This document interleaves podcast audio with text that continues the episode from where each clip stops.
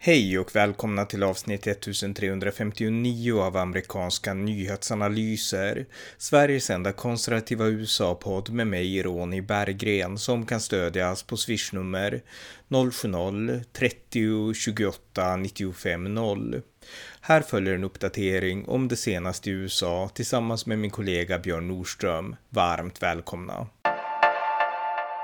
Björn Nordström, välkommen! Ja, tack så mycket. Nu är du bosatt i det soliga Arizona och nu kör vi podduppdateringar från Arizona så att eh, ja, kör igång. Du kan berätta lite om vad som hänt. Ja, vi kan börja med ett par opinionsundersökningar. Den ena opinionsundersökningen, vilket faktiskt är väldigt, om man tänker efter, väldigt allvarligt, det är att majoriteten, 58, 59 procent av amerikanska folket, vilket betyder att även oberoende väljare, sannolikt flera demokrater och inte bara republikaner, anser att eh, Kamala Harris absolut, man har inget förtroende för henne om hon skulle bli president. Och det är ganska allvarligt egentligen att, att stora majoriteten av befolkningen har inget förtroende. Sen är det ju andra valmöjligheter som man kan ha lite förtroende eller så. så att, men i alla fall, äh, folk tror jag nu inser att Kamala Harris skulle bli en väldigt, väldigt, väldigt dålig president och det är och, lite skrämmande. Och det tror jag många insåg redan i primärvalet därför att faktum är att Kamala Harris åkte ut. Hon åkte ut till och med innan primärvalen startade i december 2019 till och med så, så vart hon utpetad. Och eh, enda orsaken till att hon är vicepresident nu det är för att Joe Biden valde henne, han handplockade henne sen. Så att hon har inte fått något folkligt mandat ens att vara vicepresident.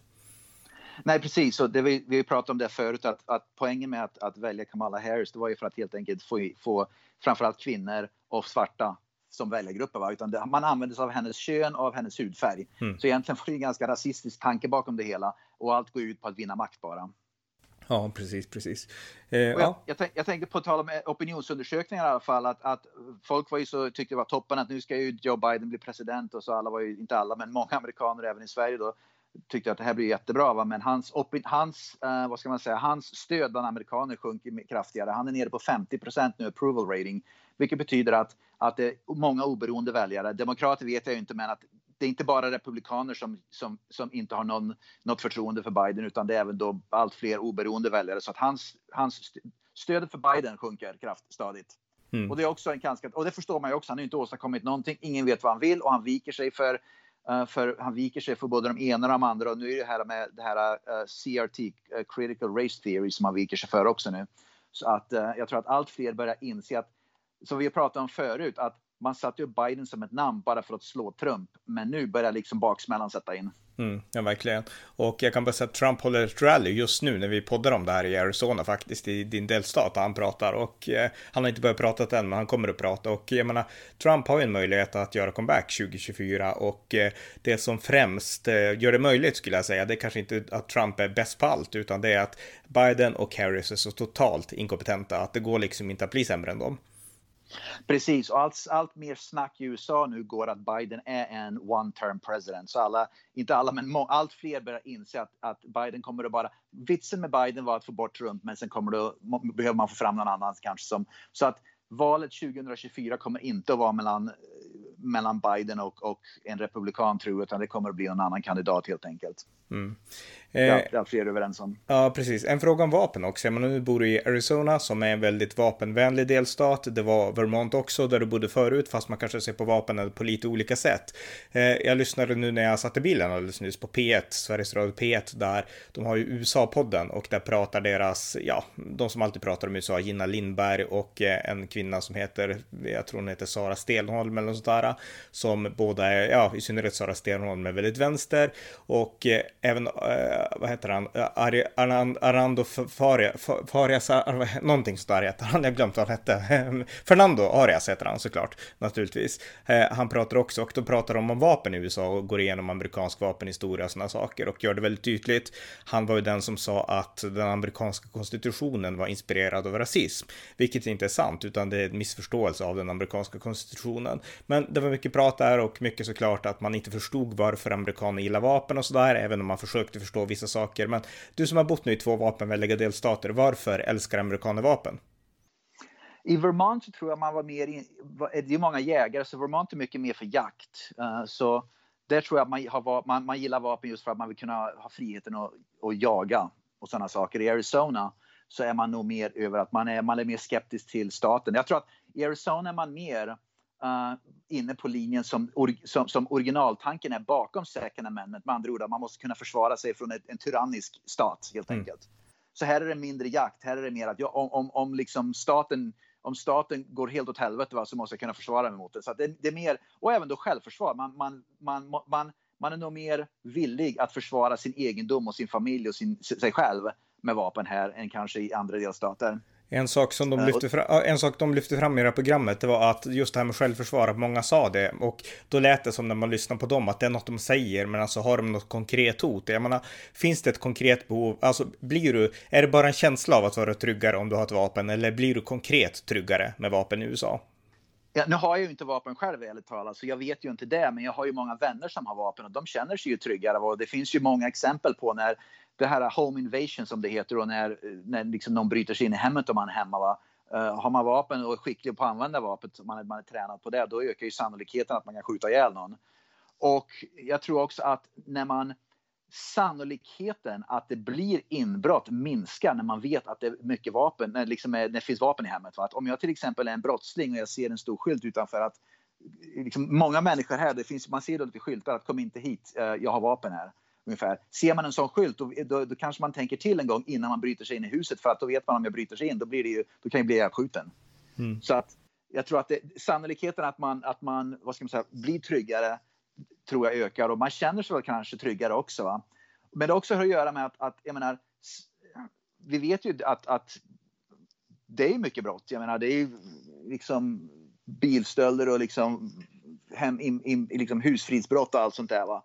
Så att uh, de som är skickliga på att använda vapen som bor i de här delstaterna, de, det är inte sällan man läser i tidningen om att det var någon som bröt sig in i ett hus och blev ihjälskjuten av, av ägaren till exempel. Va? Mm. då vet man ju att okej, okay, då, då lyckas ju den personen skydda sig från en brottsling.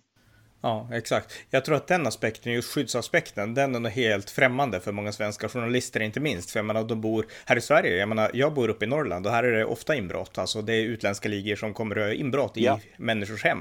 Och eh, här skulle vapen verkligen ha varit en viktig grej för att avskräcka och skrämma. Men alltså bor man i Stockholm, i något finare område, sådana saker händer ju inte på det sättet, skulle jag tro i alla fall. Så att, eh, och de här som reser väldigt mycket, de, de bor förmodligen på hotell när de är i USA skulle jag gissa. Så att de har kanske aldrig upplevt det här, liksom konkret, de här hoten som faktiskt kan finnas och att vapen är en hjälp för att göra en trygg i en värld där polisen inte alltid kan komma och där det finns en, ja, en brottslighet som vi kanske alltid, inte alltid är vana vid i Sverige. Så att, eh, ja. Precis, och det finns ju också lagarna här i USA. Om det är någon som bryter sig in i ditt hus och du skjuter ihjäl någon, då har du ju, då har du ju lagen på din sida. I Sverige så blir då då blir då, husägaren blir då dömd för mord eller något sånt där. Mm. Här i USA blir man ju inte det. Nej. Så att lagarna stödjer ju att, att du får använda vapen. En sak som är viktigt att tillägga här också tror jag är ju att, att uh, Ja, ni tappar ju tråden här. Ja, men det gör inget. Du kan, du kan fortsätta. Ja, du, kan, du kanske kom på det sen. Ja. Men ska vi gå vidare så länge så får vi se om det dyker upp senare.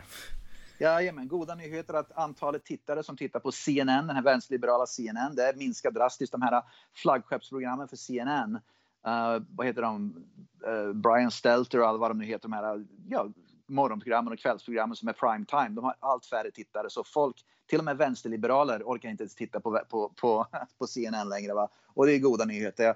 Och allt fler börjar komma överens om Uh, att, uh, och det ser man ju också i vanlig media, vad ska man vanlig media, vad ska man säga, mer neutral media, att CNN är inte en medierapportering längre utan det är, det är ett vad ska man säga, politiskt språk. Det är som SVT, svensk television då, för Socialdemokraterna ungefär, att CNN är ett språkrör för Demokratiska partiet helt enkelt. Mm. Ja. Uh, ja, uh, har du något mer? Jo, nu, nu, nu kom ja. jag på vad jag skulle säga. Det är inte sällan man läser i nyheterna här i USA heller. Va? Det finns ju många som bär vapen här i USA. Jag, menar, jag har ett par goda vänner som bär vapen. Punkt slut. Som har dolda vapen va? Mm. i hölster. Och det är inte sällan man läser i nyheterna här att att det var en brottsling som, som till exempel försökte våldta någon, någon tjej eller något sånt där. Eller en brottsling som, som, som försökte råna någon på gatan. Och så är det någon som, en vanlig, vanlig person som drar upp ett vapen och skjuter ihjäl den. Mm. För, för, för, att skydda någon annan det, det, det, är sånt som också händer här. Va? Det är sånt man läser om. Så att eh, det är inte ovanligt att sånt händer. Va? Så att, eh, det är sånt där som också tror jag, jag tror att det är väldigt främmande för Sverige. I Sverige liksom om en kvinna blir våldtagen, då liksom vänder man ryggen och går därifrån ungefär. Här i mm. USA, mm. om det är någon som bär vapen, då skjuter de ihjäl personen. Ja, nej, man griper ju inte in vid brott i Sverige, för man är rädda och liksom man känner inte att man har lager på sin sida. Och, Precis, ja, men om du har vapen mm. och skicklig användare, då, då drar man sig inte här för att om, om man ser någon bli utsatt för ett grovt brott här, då drar man sig inte för att, för att skjuta personen helt enkelt. Nej. Och då, sen får man ju tycka vad man till om det, va? men om till exempel om en, en, en, säg till exempel att en ung flicka blir våldtagen, då har jag ingen, jag har jag personligen har inga problem att det är någon som drar vapen och skjuter personen. Nej, nej inte jag heller. ja, så. nej precis, nej, nej verkligen inte. Det är det rätt att göra skulle jag säga. Men eh, ja, okej, okay, har vi något mer? Ja, eh, det visar sig nu. Här, vi pratar om det här med att, att det här, det här woke-rörelsen nu då som, som the cancel culture och det här att man ska go woke och allt sånt där. I alla fall allt fler sponsorer har tydligen dragit sig ur uh, Tokyo-OS. Uh, därför att det, nu vet jag inte egentligen stora anledningen till varför man drar sig ur, men enligt det jag har läst och hört lite grann att, att många amerikaner, jag själv inkluderat, tittar inte på OS. Jag bryr mig inte om OS längre därför att det ska knäböjas och det ska liksom Black Lives Matter och allt sånt. Det är liksom så, så, mycket politiskt skit som de håller på med va? så att man mm. orkar inte med det där längre. Va? Och ju färre tittare desto, desto mindre intäkter blir det därför att allt fler sponsorer börjar inse att folk tittar inte på OS längre. En stor anledning till det är ju för att folk vill inte ha den här politiken längre i sporten. Och vi har pratat om sånt förut att NFL tappar massa tittare och de här proffssporterna i USA, basken tappar massa tittare.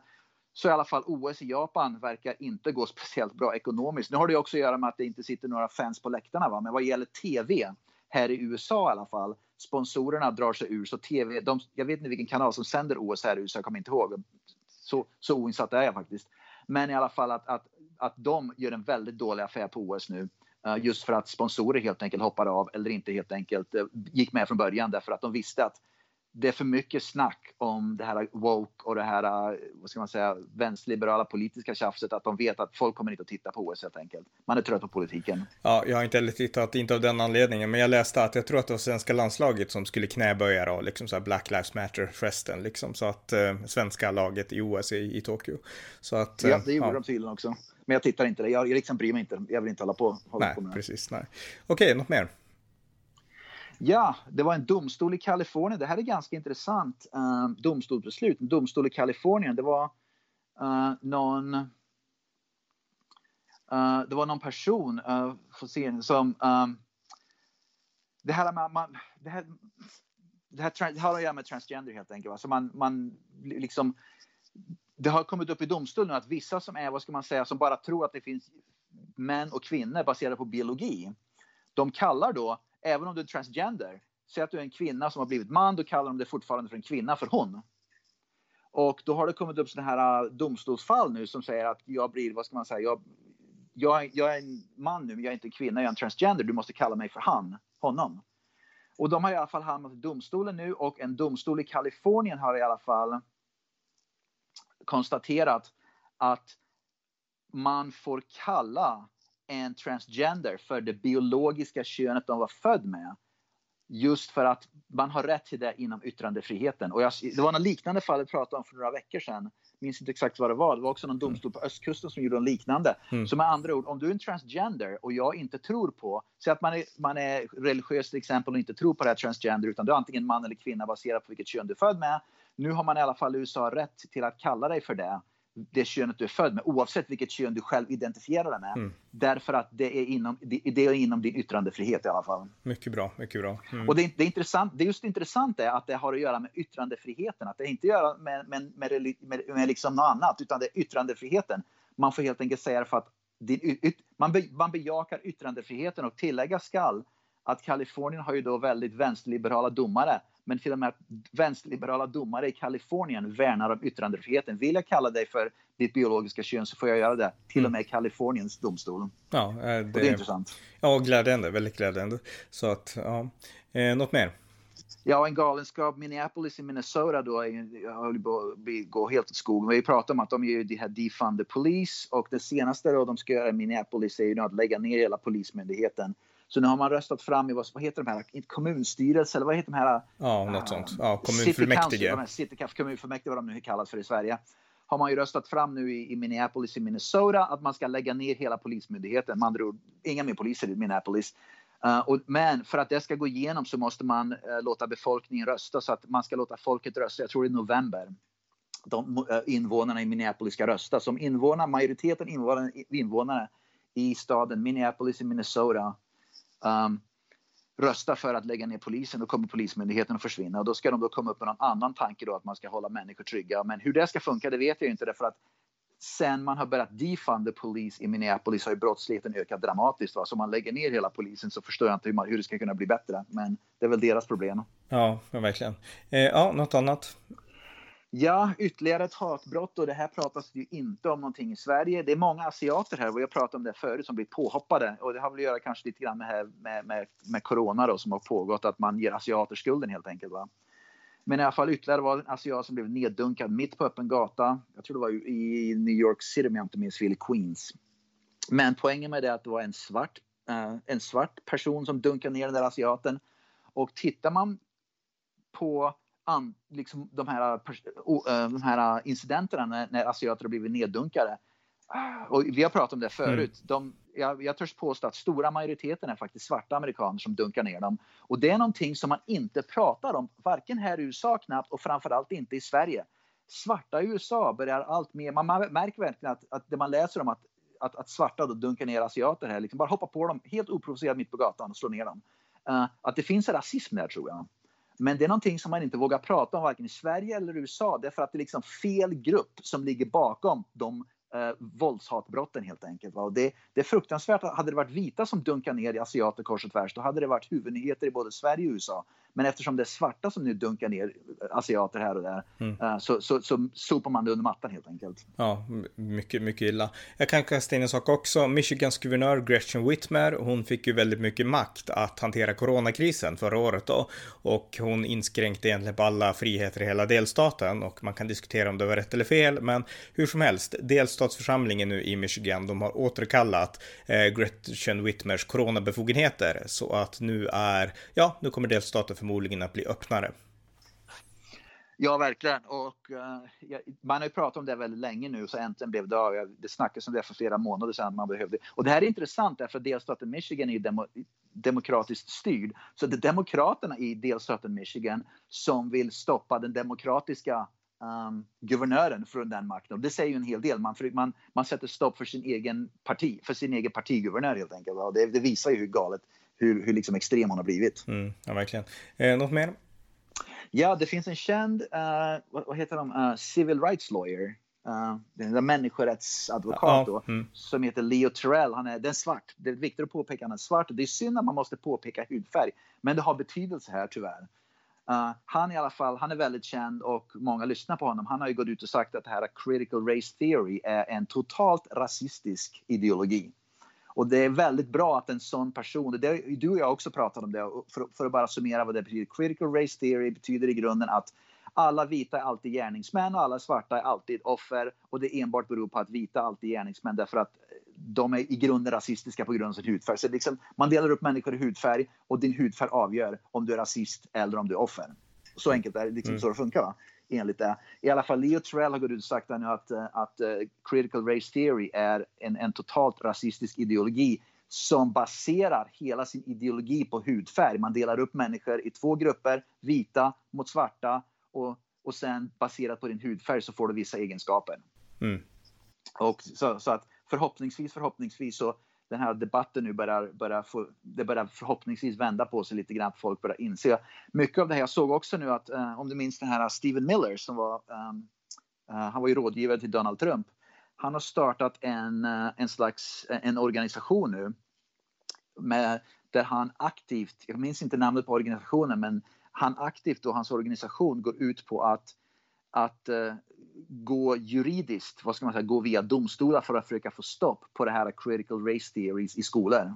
Så att eh, det finns nu en grupp som är aktiv för att försöka få stoppa critical race theories från att undervisas i skolor i USA. Mm. Eh, en annan nyhet, det är ju så här att det går ju väldigt mycket framåt nu för amerikansk rymdindustri, både för NASA och för den privata sektorn och det här började på allvar alltså under Donald Trump. Eh, Barack Obama skar ner väldigt mycket på USAs rymdsatsningar egentligen och fick väldigt stor kritik för det. Men det började öka igen med Donald Trump och jag tror att det fortsatte under Joe Biden. Jag har inte läst om att han skulle ha gått tillbaka till Obama-eran alls, utan han kör på också. Och nu har NASA gett ett kontrakt till Elon Musks SpaceX för att bygga plattformen för att kunna ta sig ända till Jupiter och då nå Jupiters måne Europa. Och det ska göras, eh, ja, det är planerat att göras redan i oktober 2024. Så att jättespännande. Alltså då kommer man ut i, inte deep space kanske, men mycket längre ut än man har kommit hittills. Nu är vi på Mars och så. Så att eh, jättespännande, eh, NASA och SpaceX. Wow, det är verkligen. Ja, eh, ja eh, något mer? Uh, ja, Black Lives Matter har väl blivit allt, men du vet, det, det pågår ju nu lite, jag vet inte om, om det är en slags revolution, men det börjar väl, vad ska man säga, blossa upp lite, blossa upp lite grann i Kuba, kommunistiska mm. Kuba, mm. att folket börjar få nog med den här kommunistregimen i alla fall. Du och jag pratade om det här förut också, att Black Lives Matter är i grunden en totalitär kommunistisk grupp i princip, marxistisk i alla fall. Och Black Lives Matter gick ut med ett, uh, och, och USA då med Biden, jag tror Biden alldeles nyligen uh, gick ut med sanktioner, mer sanktioner mot Kuba. Mm. Om jag kan, minns fel, det kan hända, jag har inte läst det, men det kan hända. Mm. Jo, så Biden har nu satt in hårdare eh, sanktioner mot Kuba. Det, här har, det visar också vart svensk television står. Och jag ska återkomma till Black Lives Matter om en minut. Men Biden har satt in hårdare sanktioner mot Kuba därför att Kuba-amerikaner som bor i Florida, framförallt bor de i Florida, framförallt i Miami då, Eh, är ju då rosenrasande på vad som pågår. De har satt press på Biden, så Biden har satt in lite mer, lite mer sanktioner mot Kuba helt enkelt. Va? Sveriges Television, med, jag läste det i text-tv, det var någon som la ut ett, ett, vad ska man säga, ett screenshot i, på nätet då, från text-tv i Sverige, där det står att, det här är galet alltså, att Kubas ekonomi håller på att gå dåligt på grund av, har blivit sämre nu på grund av Joe Bidens sanktioner. Och det är intressant, det är inte Joe Bidens sanktioner som förstör Kubas ekonomi, det är för tusan kommunismen där som förstör Kubas ekonomi. Ja. Men, men Biden fick skuld, det är intressant, Biden som då var gullegris hos, för ett halvår sedan hos, hos Sveriges Television, han blir nu, han blir nu liksom, vad ska man säga, han, han får skulden för att, att, att kommunist-Kuba får sämre ekonomi. Men i alla fall, Black Lives Matter har också, precis som svensk television då, Black Lives Matter gick också ut för bara ett par dagar sedan och uh, vad ska man säga, uh, condemn, uh, fördömde.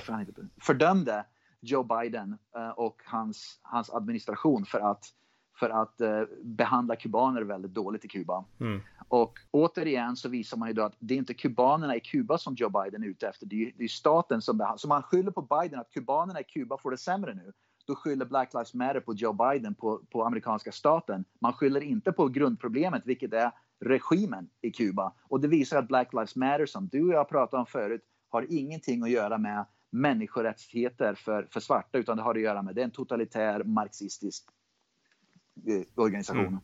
Ja, verkligen, verkligen. Och SVT gick alltså på samma linje. Det är helt otroligt. Men, ja. Det är helt otroligt. Man skyller inte på regimen eller på ideolo kommunistiska ideologin, utan man skyller på de som är emot den ideologin. Helt otroligt. Ja, verkligen.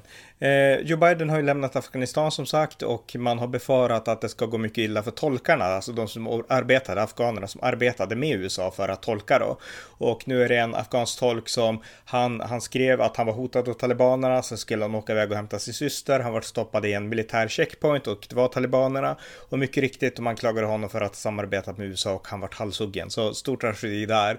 Eh, Biden, han har nu satsat 100 miljoner dollar i en emergency fund, alltså nödlägesfond för att eh, snabbt kunna hjälpa afghanska flyktingar nu och de här som arbetade med USA då. Och jag tror att man försöker evakuera tusentals av de här eh, till, ja, till att börja med till olika militärbaser och sen så får man se vad som kommer att hända. Men det känns som att det här uttaget ur Afghanistan, man kan tycka att det är rätt eller fel, men det känns inte som att det är tillräckligt bra planerat i alla fall.